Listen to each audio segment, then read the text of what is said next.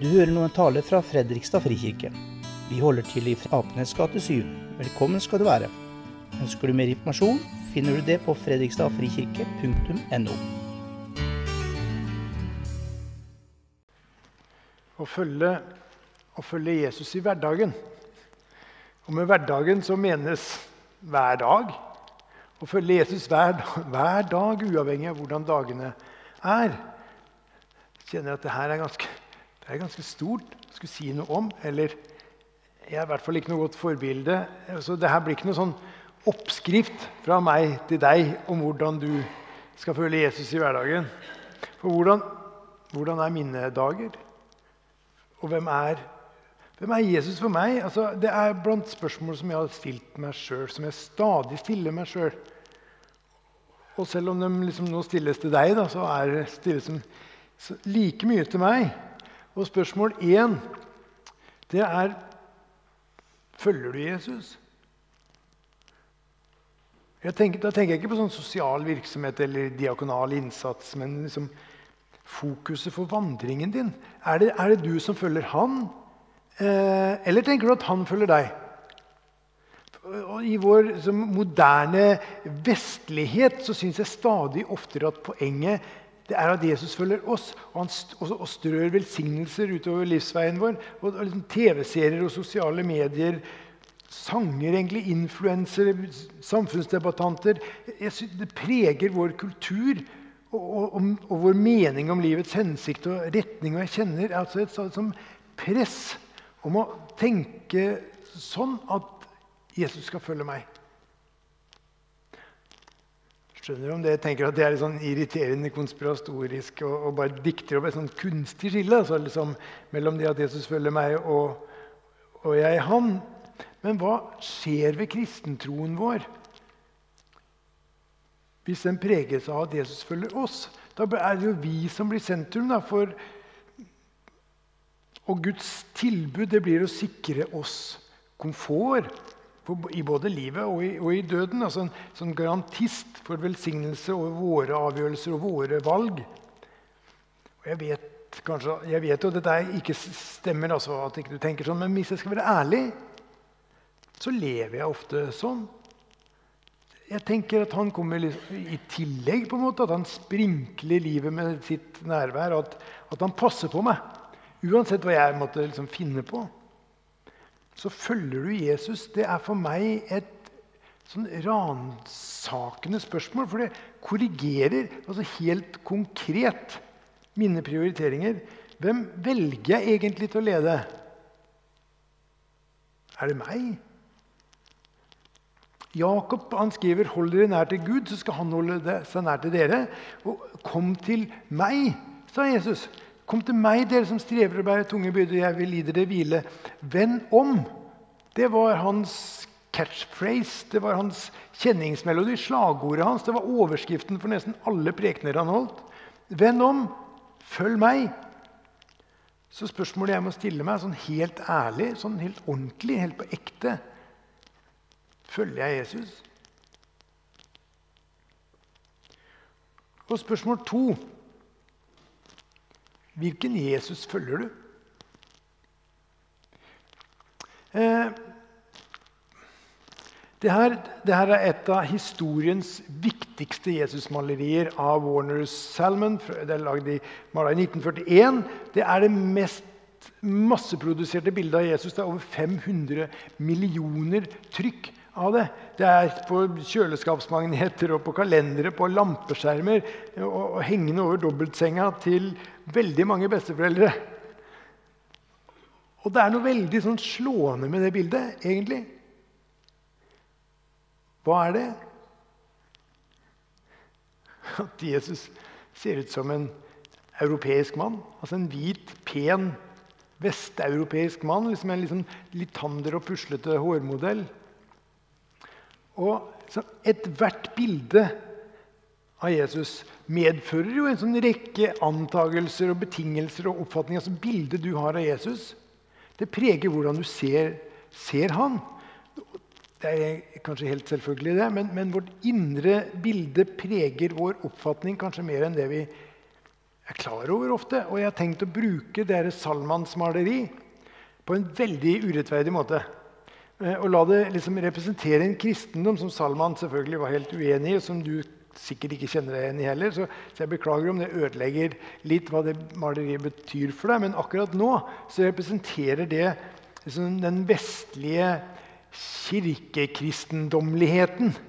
En sånn utvaska gudstro. Om du, og om du er oppmerksom, og jeg er kanskje litt sånn overomfintlig opptatt av å se etter tegn etter det, men hvis du ser etter, så vil du oppdage en kulturell sånn kirkekristendommelighet som i stadig større grad preger samfunnet. Jesus han går som alltid ved vår side. Hos alle sammen. Altså Alle veier fører til Gud.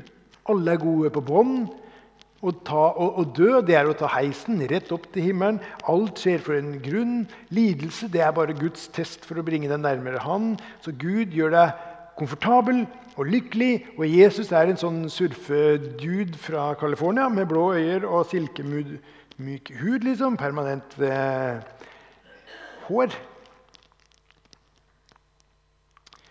I 2002 så samarbeida en gruppe eh, britiske bibelforskere med rettsmedisinere. Rettsmedisinere har sånn kompetanse til å lage en modell av mennesket ut fra kraniet. Litt sånn som du har sett på krimserier. Den bygger opp et sånn sannsynlig lag av scener, muskelstrukturer, og kan lage en modell av den personen.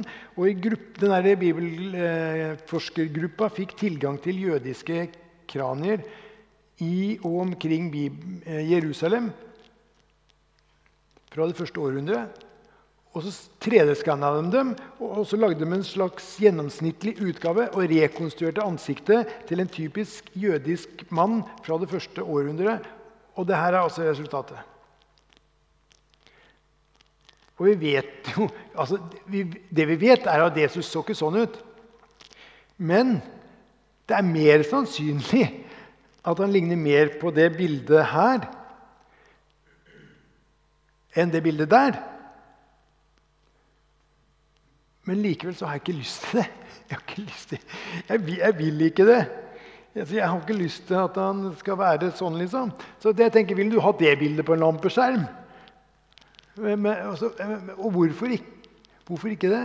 Altså, om dette bildet hadde hengt over dobbeltsenga til besteforeldrene mine, så hadde jeg vært liksom veldig bekymra for dem. egentlig. Og, for, og liksom, hvorfor Og hvorfor det egentlig? Altså, Om jeg følger Jesus sånn i hverdagen, så gir det jo mening å ha et bilde i mitt hjem. Og hvorfor vil jeg ikke ha det mest autentiske bildet da, istedenfor Salmans portrett? Jeg tenker Minst 500 millioner er mer komfortable med å ha en hvit, vakker europeisk Jesus hengende i huset. Men hva skjer med hverdagene dine om det er liksom Salmans Jesus du følger? Høres, jeg skjønner at det høres ut som et sånn tullete spørsmål, altså, men jeg mener det egentlig helt alvorlig. Og jeg vet at jeg har liksom karikert den vestlige sånn, kirkekristendommeligheten. Men hvis, hvis Salmans bilde er det bildet du har av Jesus og har med deg i hverdagene dine, hvordan blir dagene dine da? Da Jesus spurte disiplene hvem de trodde at han var, så svarte jo Peter du er Messias, altså Kristus. Men med Kristus så mente han da, og samtiden hans egentlig, en konge som skulle sørge for gode levevilkår, skape et, et sterkt fritt land å leve i, som ville gjøre dem vellykka og velsigne livet deres og dømmes prosjekter. Er det det vi er i ferd med å gjøre? Gjør jeg det samme med Jesus? Altså, vi, jeg tenker Vi kan ha vært i kirken i årevis. Så ser vi fortsatt Jesus som en sånn tilrettelegger, en etterfølger, en sånn velfrisert bodyguard. Hva betyr det egentlig å si 'Jesus passer på meg'?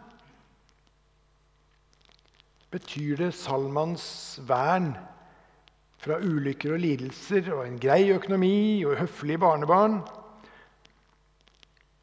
Hvis det er det bildet vi gir vennene våre og barna våre, barnebarna våre, gir det en robust hverdagstro?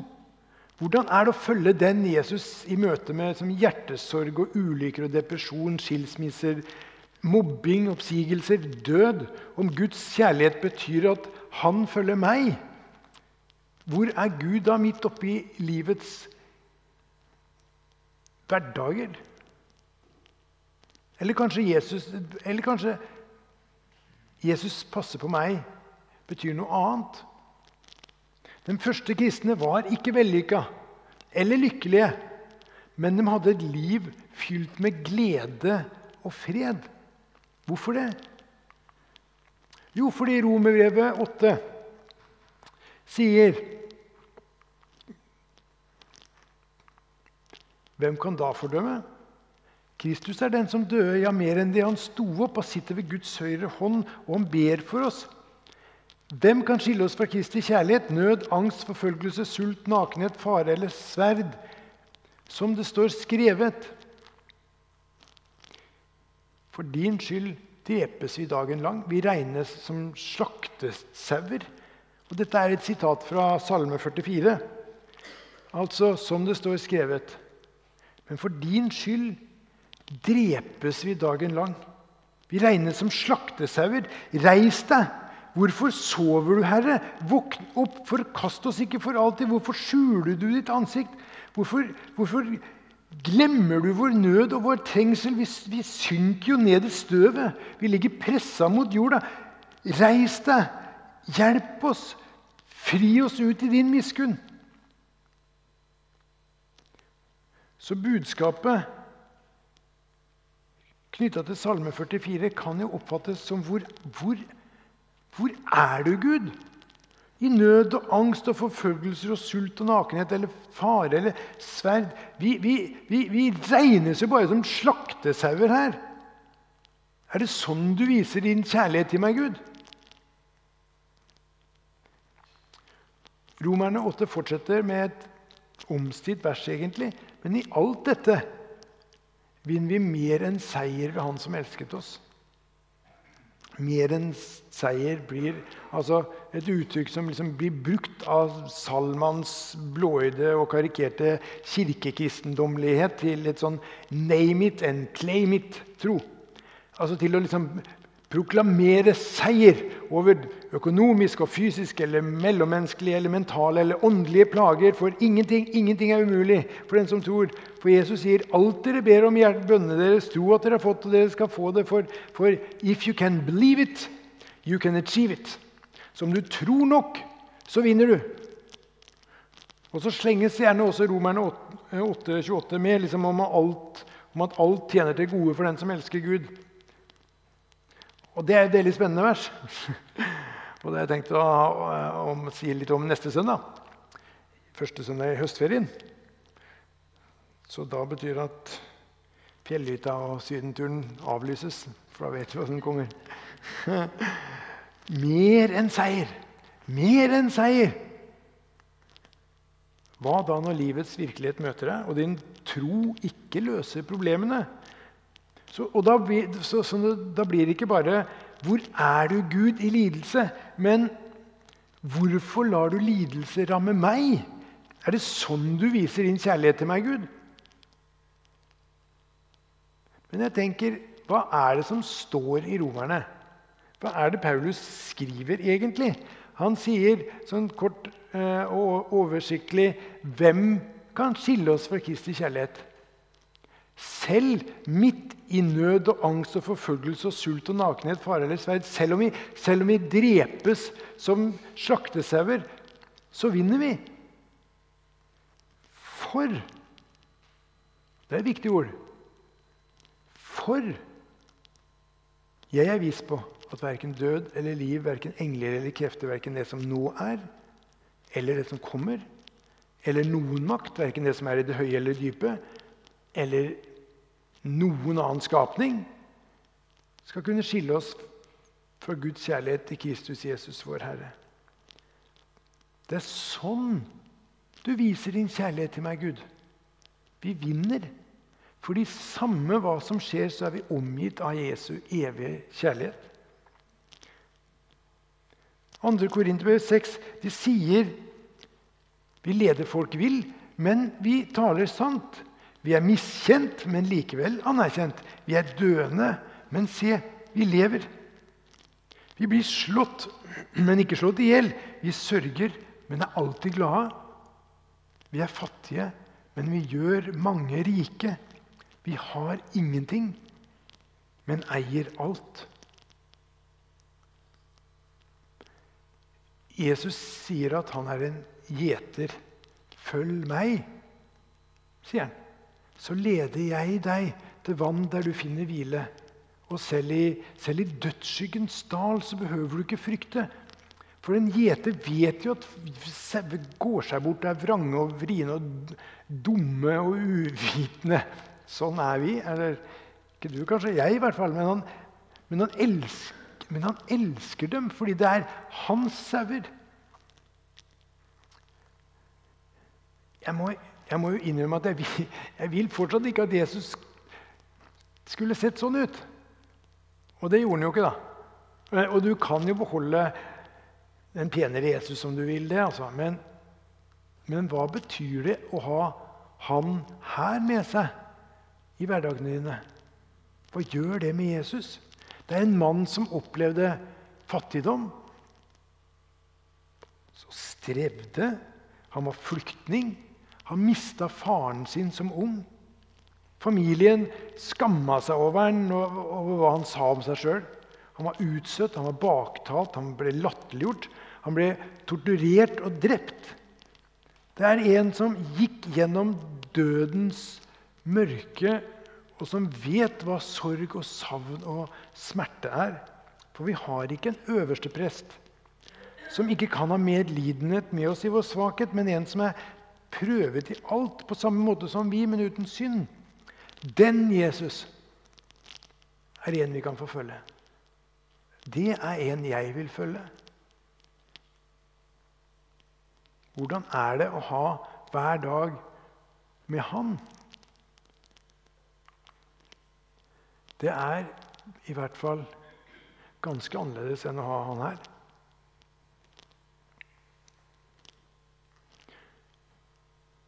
Så det var det. Men hei!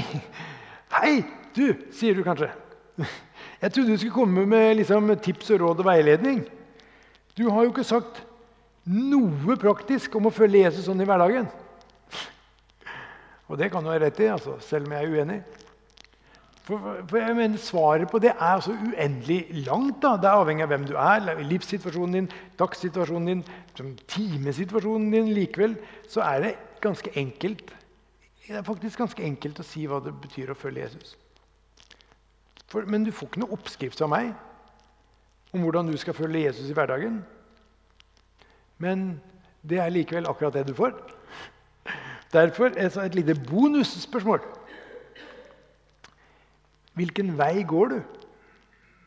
Å følge Jesus i hverdagen er å svare på det spørsmålet. egentlig. Altså, Går du mot Jesus, eller går du fra Jesus? Hvilken vei går du? Mot han eller fra han? Fordi det er det eneste vi er kalt til. Det er å følge. Venn om, følg meg. Å følge det kallet, det får, det får altså konsekvenser for prioriteringene dine, for tidsbruken din, for pengebruken din, for bibellesingen din, for bønnelivet ditt, for ditt blikk for din neste. Hvordan du bruker din tid, viser hva du syns er viktig. Og det syns jeg er altså så ubehagelig avslørende å tenke på. Så det er det liksom egentlig. altså Følger du Jesus? Følger du han, eller bare forventer du det motsatte? For Jesus er ikke opptatt av den kirkekristendommeligheten din, men, men, hjertet ditt. Og hvilken Jesus følger du? Han, følger du han som er verdt å følge? Han som elsker deg betingelsesløst og konstant og uavhengig av hvor livet tar deg. Han som aldri gir deg opp. Han du kan få lov til å hvile hos og bli hos i hans kjærlighet. For, for når vi ser hva han har gjort mot oss, for oss og i vårt sted, så blir det sånn at vi elsker fordi han elsket oss først. Å følge ham er å gå i hans retning Det er så enkelt, og det er så utfordrende. Så la oss synge sammen. Både om Jesus' spørsmål til deg og hans kall, og om hvilket svar du ønsker å gi.